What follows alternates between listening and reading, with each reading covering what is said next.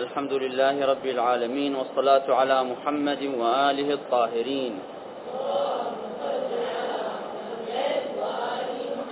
واللعنة الدائمة على أعدائه من الأولين والآخرين ولا حول ولا قوة إلا بالله العلي العظيم. اللهم كن لوليك الحجة ابن الحسن صلواتك عليه وعلى آبائه الطاهرين في هذه الساعة وفي كل ساعة. وليا وحافظا وقائدا وناصرا ودليلا وعينا حتى تسكنه أرضك طوعا وتمتعه فيها طويلا. كان الكلام في المحاضرة السابقة حول المحور الرابع من من محاور بحثنا وكان المحور الرابع هو الجهات الموجبة للدعاء له عجل الله تعالى فرجه الشريف. وعفوا كان هذا هو المحور الثالث. المحور الرابع سوف نذكره في هذه المحاضرة. المحور الثالث الذي ذكرناه في اليوم الماضي هو الجهاد الموجبة للدعاء له عجل الله فرجه الشريف. وقلنا هي جهات متعددة وكثيرة. ذكرنا بعضها في المحاضرة السابقة ونذكر آه، في بداية هذه المحاضرة أيضا بعض هذه الأمور المهمة ثم ننتقل إلى ما أعددناه من المحور الرابع في هذه المحاضرة إن شاء الله. من الأمور التي توجب الدعاء للإمام عليه السلام وتوجب الدعاء لتعجيل فرجه أن فرج المؤمنين يكون أو يكمن في فرج المولى عجل الله تعالى فرجه الشريف. فرج المؤمنين على يديه. والتوقيع المنقول والمروي عن الإمام عليه السلام الذي يقول فيه وأكثر الدعاء بتعجيل الفرج فإن ذلك فرجكم فإن ذلك فرجكم. عفوا. آه هذا التوقيع إن شاء الله يسجل ويحفظ. دائما آه يكون في نعم في عقائد وفي فكر المؤمن والمؤمنة الموالية والمنتظر والمنتظرة لإمامها آه، أن يكثر الدعاء بتعجيل الفرج. الإمام عليه السلام لم يقل وادعوا بتعجيل الفرج وإنما الصيغة كانت بهذه العبارة وأكثر الدعاء إكثار الدعاء بتعجيل الفرج. هذا في الواقع معناه أن نفس هذا الحديث يعطي آه، يعطي عنوان هذا المحور وهو الجهات الموجبة للدعاء. لماذا ندعو للإمام عجل الله فرجه الشريف؟ ندعو له ليكون الفرج لنا. فإذا هذا الدعاء فيه عنوان المحور الذي نتحدث فيه وفيه الأمر الذي يوجب الدعاء أيضا وهو ماذا؟ الإكثار من الدعاء. وكذلك نقرأ في زيارة الإمام صاحب الزمان عليه السلام في يوم الجمعة نقول وهذا يوم الجمعة وهو يومك المتوقع فيه ظهورك والفرج فيه للمؤمنين على يديك وقتل الكافرين بسيفك. فرج المؤمنين بظهور الإمام عليه السلام. فإذا هذا أمر من الأمور التي تستوجب الدعاء له. بقية الأمور سوف أسردها على مسامعكم بالعنوان فقط لضيق الوقت عن الوقوف أو لضيق الوقت, ضيق الوقت للوقوف في كل عنوان وشرحه فأذكر هذه العناوين وتسجل إن شاء الله. من الأمور أو من الجهات الموجبة للدعاء له. عليه السلام. قتل الكافرين بسيفه. قضاء حوائج المؤمنين. قضاؤه بالحق. عدله وقسطه. محبته للمؤمنين. نعمه عليه السلام. ولايته لله تعالى. وأختصر أيضا وأسهل المهمه لنا ولكم بأن هنالك مقطع في دعاء الندبة. هذا المقطع فيه عناوين منطبقة على الإمام المهدي عجل الله فرجه الشريف كلها موجبة للدعاء كلها تستوجب الدعاء له. هذا المقطع يبدأ من هذه العبارة الشريفة في دعاء الندبة.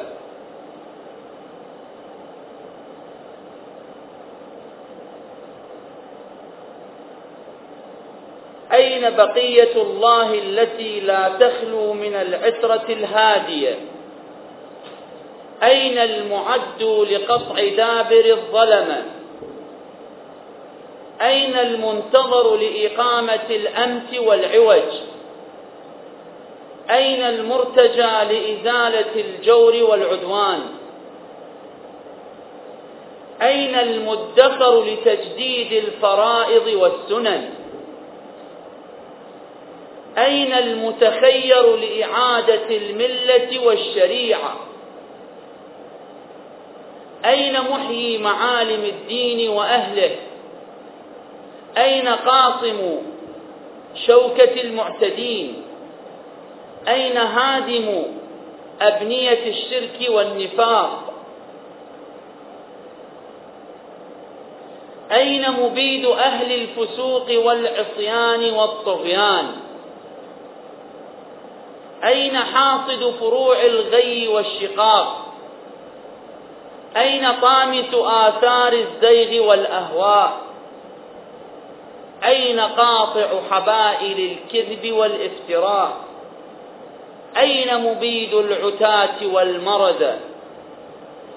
أين مستأصل أهل العناد والتضليل والإلحاد؟ أين معز الأولياء ومذل الأعداء؟ أين جامع الكلم على التقوى؟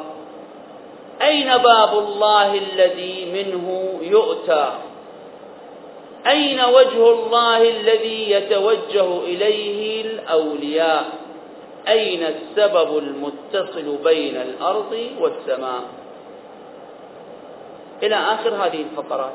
كل فقرة من هذه الفقرات عنوانها هو مما يوجب الدعاء له عجل الله تعالى فرجه الشريف. حينما تقول أين المعد لقطع دابر الظلمة؟ يعني الإمام المهدي هو الذي أعده الله لقطع دابر الظلمة والكفرة والفسق والجبابرة. فهذا يوجب الدعاء له. أين بقية الله؟ أين المنتظر لإقامة الأمس والعوج؟ يعني الإمام المهدي عليه السلام على عاتقه وبعهدته إقامة الأمس والإعوجاج في الأمة. وهكذا إزالة الجور والعدوان. إلى آخر العناوين تطبقوها. هذا في الواقع آه، يعني بعض الأمور التي آه، تكون في هذا المحور الثالث أو الجهات التي آه، المتعددة التي توجب التي توجب الدعاء له عليه السلام. ما ذكرناه في المحاضرة السابقة وما بينته في هذا اليوم وطبعا هذا آه، الذي ذكرته في هذا اليوم يدعو الأخوات الفاضلات أن يراجعن هذه المقاطع ويستخرجن هذه العناوين ويتدبرن هذه المعاني حتى آه، يكون المحفز والموجب للالتزام بالدعاء للإمام عليه السلام أكثر قوة وأشد تأثيرا في النفوس إن شاء الله. أما محور البحث في في المحور الرابع. المحور الرابع هو بعد هذه الأمور التي ذكرناها ندخل في نفس الدعاء العنوان الذي نقول الدعاء للإمام الغائب عليه السلام.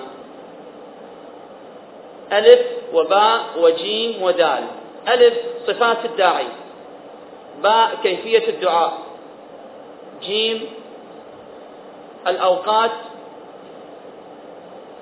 التي يتأكد فيها الدعاء. ها عفوا جيم دال الأمكنة التي يتأكد فيها الدعاء.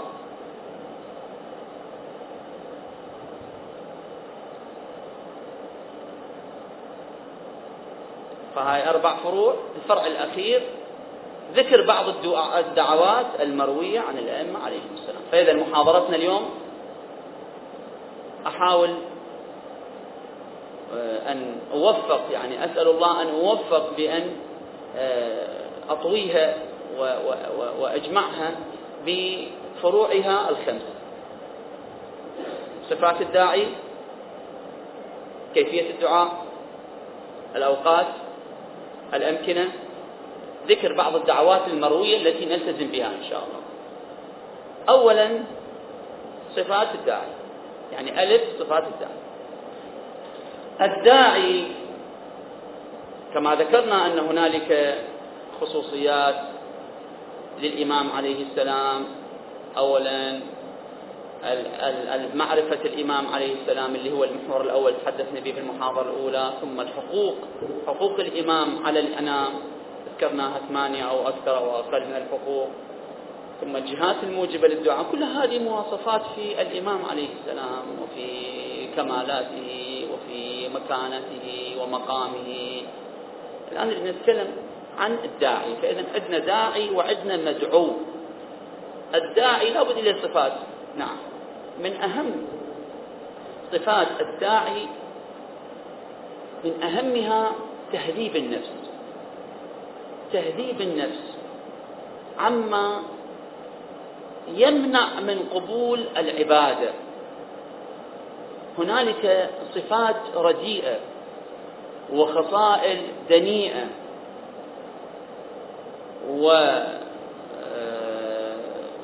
وملكات أو أعمال موبقة. إذا ارتكبها الإنسان هاي تمنع عن الدعاء. تحجب الدعاء.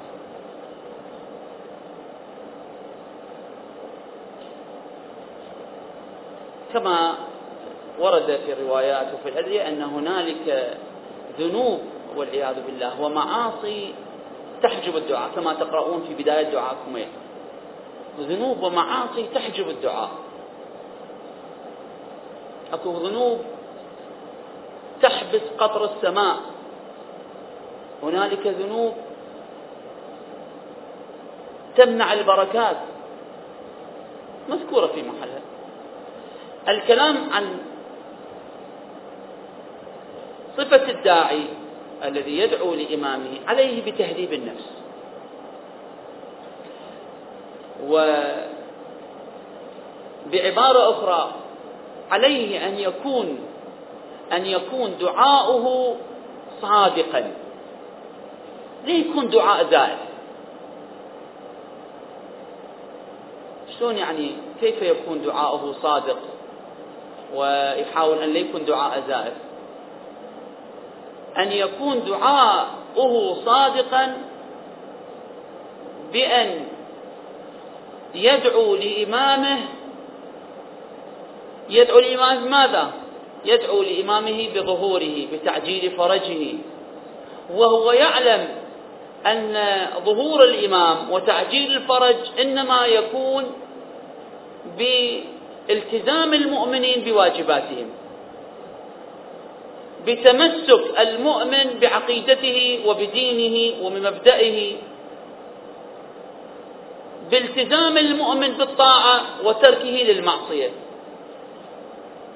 فإذا كان الداعي هو من جهة يدعو لإمامه ومن جهة هو يرتكب المعاصي ومن جهة هو يقترب الموبقات والعياذ بالله معناه هنا ماذا؟ أكو تناقض.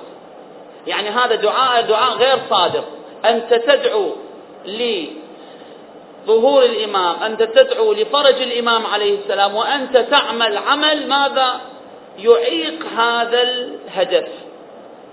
يعرقل هذه الغاية السامية. فيشترط في باختصار يشترط في الداعي أن يكون بالمرتبة التي قد هذب نفسه وزكى نفسه وأبعد نفسه عن الصفاء عن الرذائل والموبقات. حتى وعن الرذائل أكو عندنا معاصي الجوارح وعندنا معاصي الجوانح. حتى المعاصي القلبية يتركها. المعاصي الروحية من قبيل الحسد النميمة مثلا والعياذ بالله. آه، حب الظهور والعياذ بالله. آه، الكبر. نعم. كذلك الغيبة. هذه بعض الأمراض اللي قد تنتشر يعني بشكل خفي بين المؤمنين والمؤمنين غافلين عن ذلك. المؤمنون غافلون عن ذلك. هذه صفة مهمة بل هي حتى يكون الدعاء ماذا؟ يكون دعاء صادقا. ولا يكون الدعاء ماذا؟ يكون دعاء خاويا ويكون الدعاء كاذبا وخاليا عن محتواه ولا يؤثر شيء. كما أن الداعي في صفاته هذه نستطيع أن نقول هذه صفة كيفية الداعي نوعية في الداعي. هنالك صفة هاي صفة الكيف وصفة النوع سميها أكو صفة الكم شنو صفة الكم في الداعي؟ المداومة على الدعاء. لا يسأم لا يمل من الدعاء لمولاه. المداومة جدا مهمة أخواتي الكلمات والإخوة الذين يسمعون هذا الكلام بأن من صفات الداعي المداومة والإكثار من الدعاء كما ذكرت لكم في قبل قليل وأكثروا من الدعاء بفرجه فإن في ذلك فرجكم. هذا ألف يعني الفرع الأول من المحور الرابع. باء كيفية الدعاء؟ يعني أي صيغة إحنا ندعو؟ الآن هنالك راح سوف أسرد في على مسامع سوف أسرد على مسامعكم آه، بعض آه، العبارات التي وردت عن الأئمة عليهم السلام في كيفية الدعاء.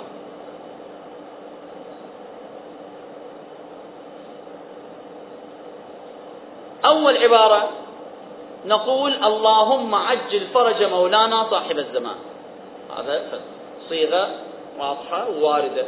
اللهم عجل فرج مولانا. أو تقول عجل الله تعالى فرجه وظهوره. صيغة أخرى. تقول اللهم عجل فرج آل محمد. صلوا على محمد وآله. لأن فرج آل محمد هو فرجهم وفرج الإمام هو فرج آل محمد. فتقول اللهم عجل فرج آل محمد.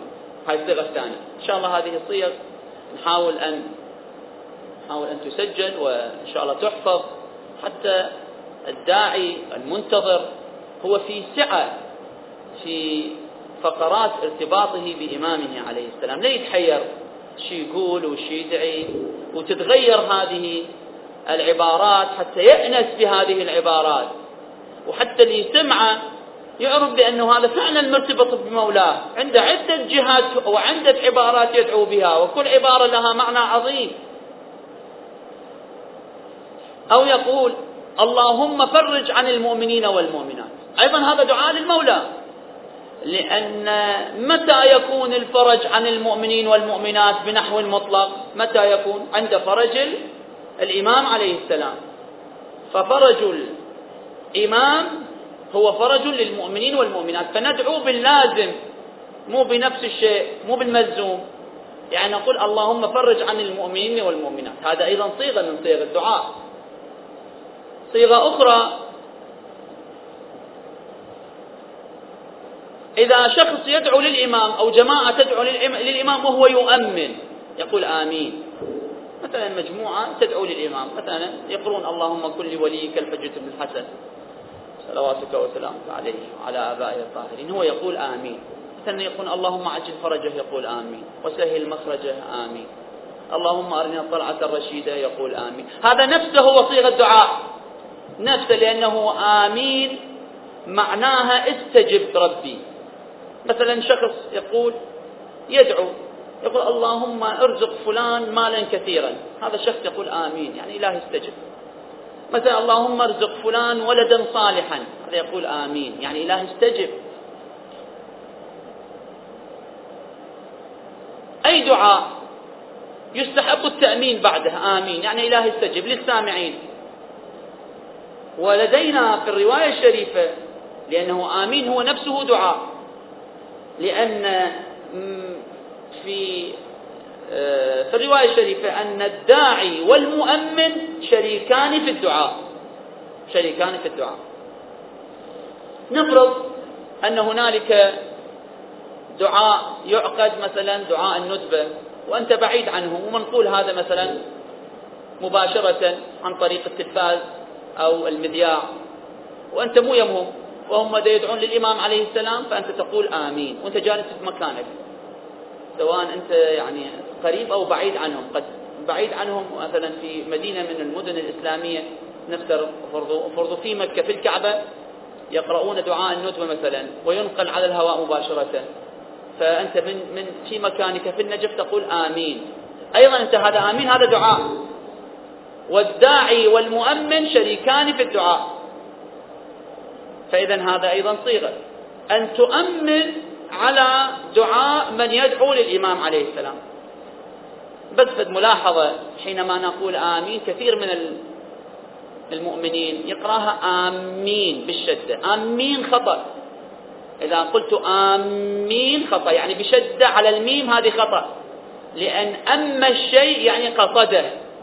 آمين يعني قاصدين. لا إحنا نريد نقول آمين. الملد تخلي عليها شدة الميم. الميم نخلي عليها شدة نقول آمين آمين. مو آمين. آمين يعني قاصدين. لا نقول آمين. إلهي آمين. يعني استجب ربي. فإذا هذه صيغة من صيغ الدعاء. صيغة أخرى. إضافة إلى اللهم عجل فرجه. اللهم عجل فرج آل محمد. صلوات الله وسلامه عليهم. إضافة إلى هذه الصيغ إضافة أخرى أن يسأل تهيئة يدعو يعني ويسأل تهيئة أسباب تعجيل الفرج. اللهم عجل لوليك الفرج وسهل مخرجه. تسهيل المخرج وأوضح منهجه. يعني ماذا؟ يعني إلهي أدعوك وأسألك أن تهيئ أسباب فرج مولاي صاحب العصر والزمان هذه صيغة. هذه صيغة غير الصيغة السابقة. الصيغة السابقة بشكل عموم عجل فرجه. اللهم عجل فرجه وظهوره. هنا اللهم سهل مخرجه أوسع منهجه. مثلا. هذه صيغة. صيغة أخرى. سؤال ما يرفع سؤال رفع موانع الظهور.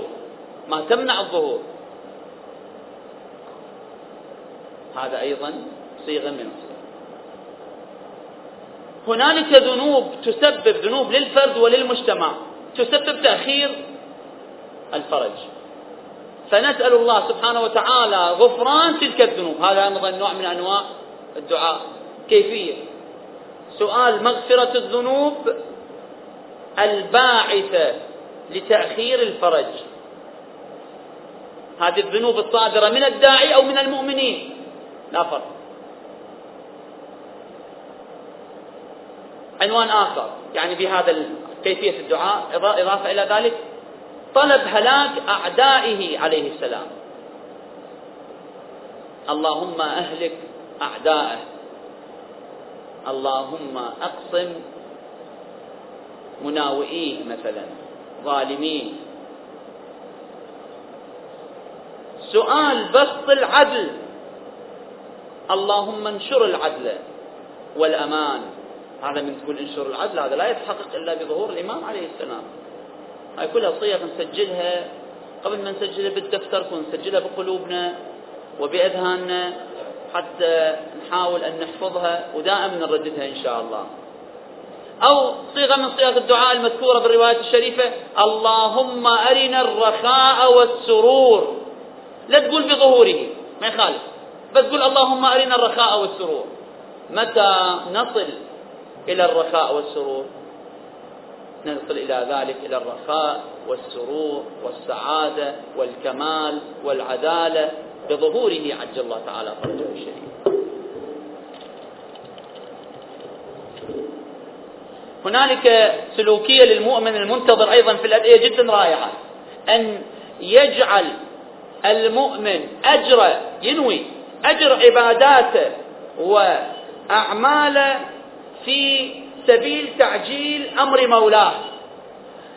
أصيغ لكم هذه الفقرة صياغة لطيفة. أن يسأل الله عز وجل أن يجعل أجر عبادته وأعماله التعجيل في أمر مولاه وظهوره على نحو ما يرضاه. شلون سلوكية حلوة هذه؟ الله أكبر. يعني ما تخليك تنسى الإمام عليه السلام. يعني إذا تصلي صلواتك المستحبة المندوبة أعمالك تريد تعطي صدقة تريد تقيم محاضرة تريد تجمع مؤمنين على فعل خير كله تنوي تقول إلهي هذا خليه ثوابه في سبيل تعجيل فرج مولاي إمام صاحب العصر والزمان. بعد ترتبط. ارتباط عضوي وارتباط دائم مو فقط بالذكر وبالفكر وإنما ترتبط بالعمل والتطبيق. أيضا من الأدعية تسأل الانتقام من أعداء الدين وظالمي أهل البيت عليهم السلام.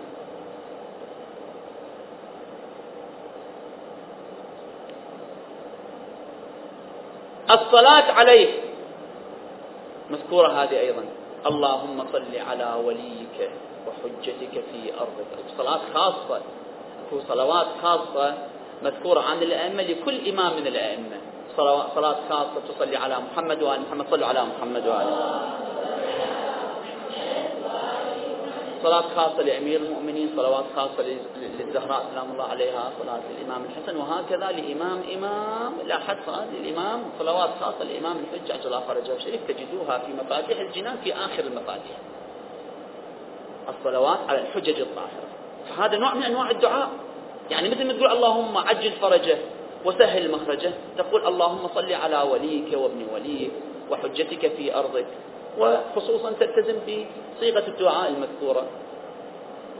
الأمر الآخر تعجيل السؤال والمسألة في تعجيل طلب ثأر سيد الشهداء عليه السلام.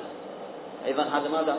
هذا أيضا من ضمن الدعاء للإمام عليه السلام. لكن في صيغة أخرى اللهم عجل في طلب ثأر دم الحسين عليه السلام ودماء أصحابه وأهل بيته الطيبين الطاهرين. هذا هو نفس دعاء يشمل عقيدتك بالإمام سيد الشهداء عليه السلام وعقيدتك بالإمام المهدي سلام الله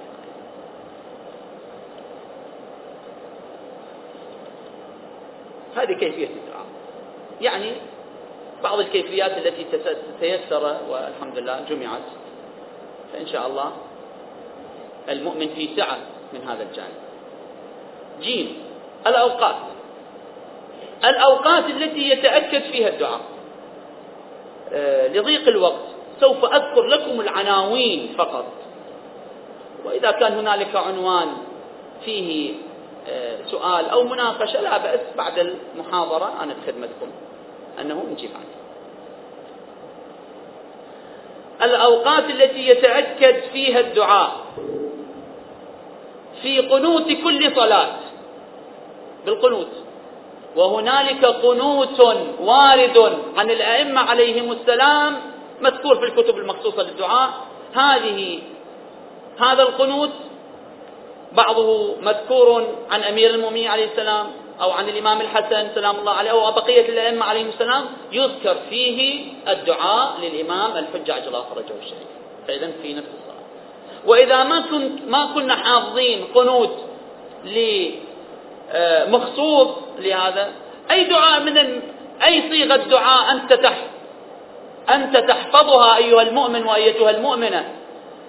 تتعلق بالإمام تقرأها في القنوت. مثلا تقرأ اللهم كل وليك الحجة ابن الحسن.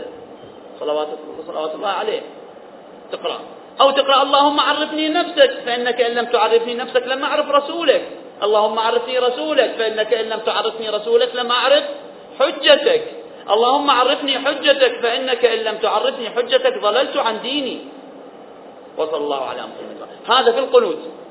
هذا أكبر دليل على أنك مرتبط بإمامك حتى في الوقت الذي تقف بينك وبين ربك وحينما تقف في معراجك مع الله سبحانه وتعالى أنك لا تنسى إمام زمانك.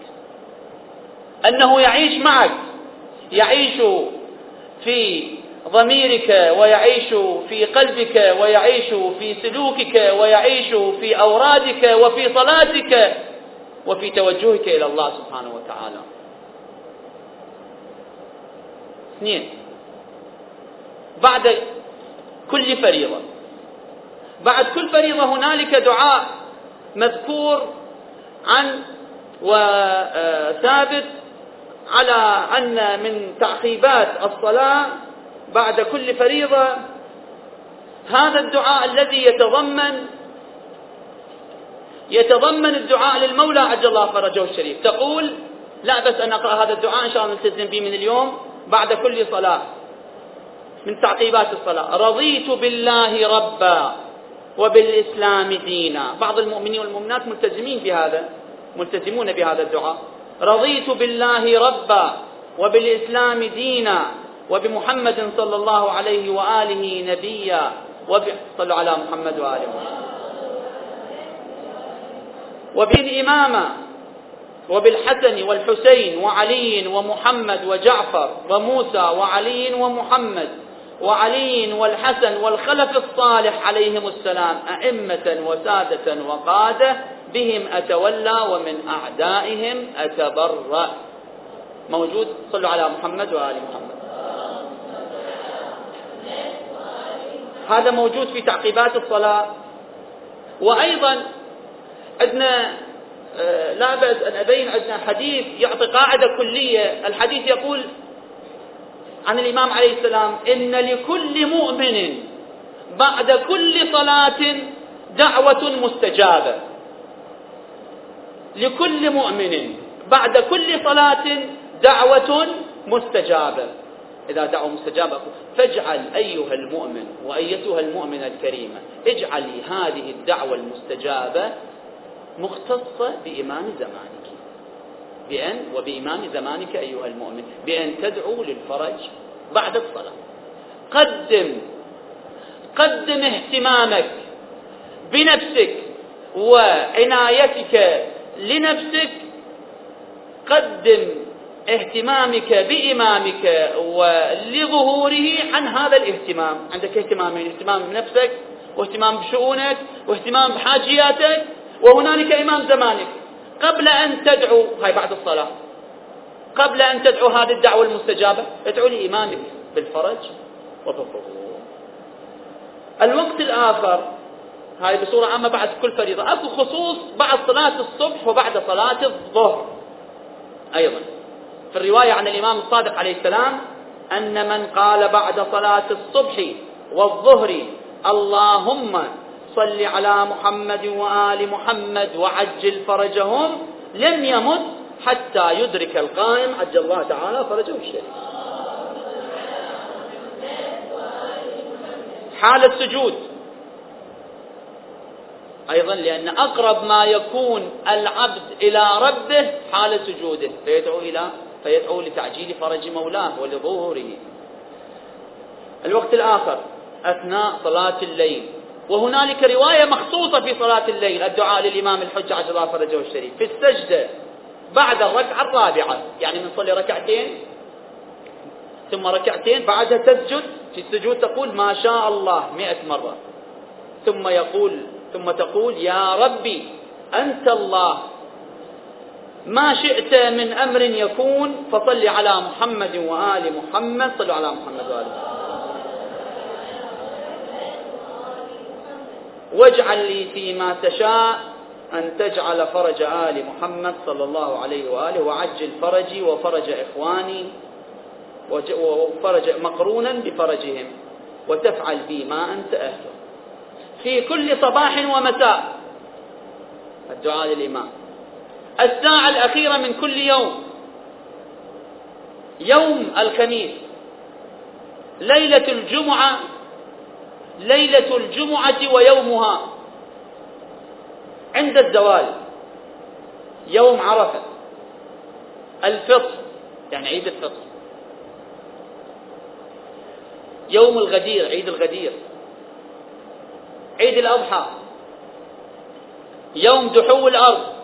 25 ذي القعدة. يوم عاشوراء. ليلة النصف من شعبان ويومه. جميع شهر رمضان. وهنالك خصوصية لليالي القدر. ليلة القدر الأولى ليلة 19 وليلة 21 وليلة 23 وأن يردد هذا الدعاء اللهم كل وليك الحجة. في ليالي القدر. من الأوقات المؤكد فيها الدعاء للإمام عليه السلام عند تجدد كل نعمة. عند عروض الهم والغم. تذكر مولاك تذكر إمامك تدعو له حتى هو أيضا ينظر إليك في ذلك الحال. من الأوقات المهمة العملية الدعاء له قبل الدعاء لنفسك. قبل ما تبدي أي دعاء لنفسك ادعو لإمامك. مثل تقول اللهم مثلا خلصني من هذه البلية من هذه الأزمة. قبل هاي اللهم عجل فرج مولانا صاحب الزمان أو اللهم عجل فرج وليك اللهم خلصني من هذا الأمر. اللهم عجل فرج وليك اللهم اشفي ابني مثلا اشفي مريضي مثلا وهكذا. الدعاء لنفس الدعاء للإمام من أوقات المؤكدة وهو قبل الدعاء لنفسه. شهر محرم الحرام خصوصا العشر الأولى. ومن الأوقات هذه من ناحية الأوقات من ناحية هذه من ناحية الكم ومن ناحية أما من ناحية الكيف ذكرنا كيفية أولا بالنسبة لصفة الداعي بعض الأدعية كذا لكن منها هذه في الأوقات المداومة. المداومة بالدعاء للفرج أربعين يوما.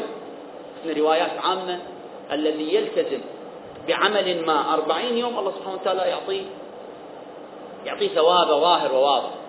وإذا التزمت أيها إذا التزمت إذا التزمت أيها المؤمن وأيتها الأخت المؤمنة إذا التزمنا أربعين يوما للدعاء لإمامنا عليه السلام فأنا واثق بأنكم سوف لا تتركون الدعاء طيلة حياتكم إن شاء الله. لماذا؟ لأن الدعاء للإمام الحجة عجل الله فرجه الشريف حلو عذب. يا من ذكره حلو. موجود هذا وين؟ في دعاء الجوشني الكبير من نقراه للقدر. خاطب رب العالمين. يا من ذكره حلو. عذب قريب إلى النفس. ذكر الله. ذكر النبي والأئمة عليهم السلام من ذكر الله.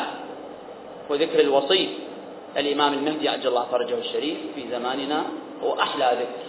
بعد ذكر الله وذكر الصلاة على محمد وآله محمد. الأماكن التي يتأكد الدعاء فيها. هذا فرع دال ألف باء جيم دال هذا دال. الأمكنة. أيضا باقي لنا عشر دقائق. إن شاء الله أتوفق أن أكمل المادة اللي مهيئها. المسجد الحرام. عرفات. عرفات يعني مكان عرفات مو يوم عرفة. يوم عرفة زمان وقت.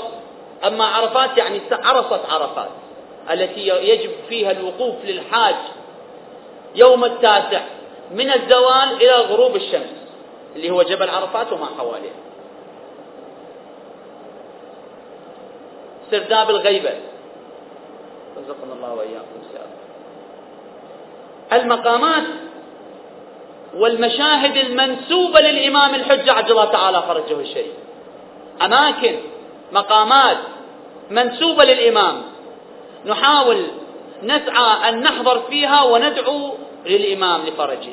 هذه الأماكن على سبيل المثال وليس الحصر ولا الحصر.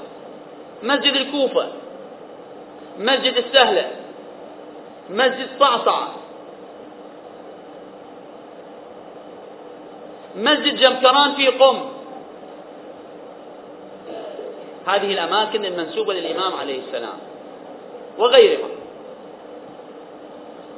حرم سيد الشهداء عليه أفضل الصلاة والسلام الحائر الحسيني في كربلاء.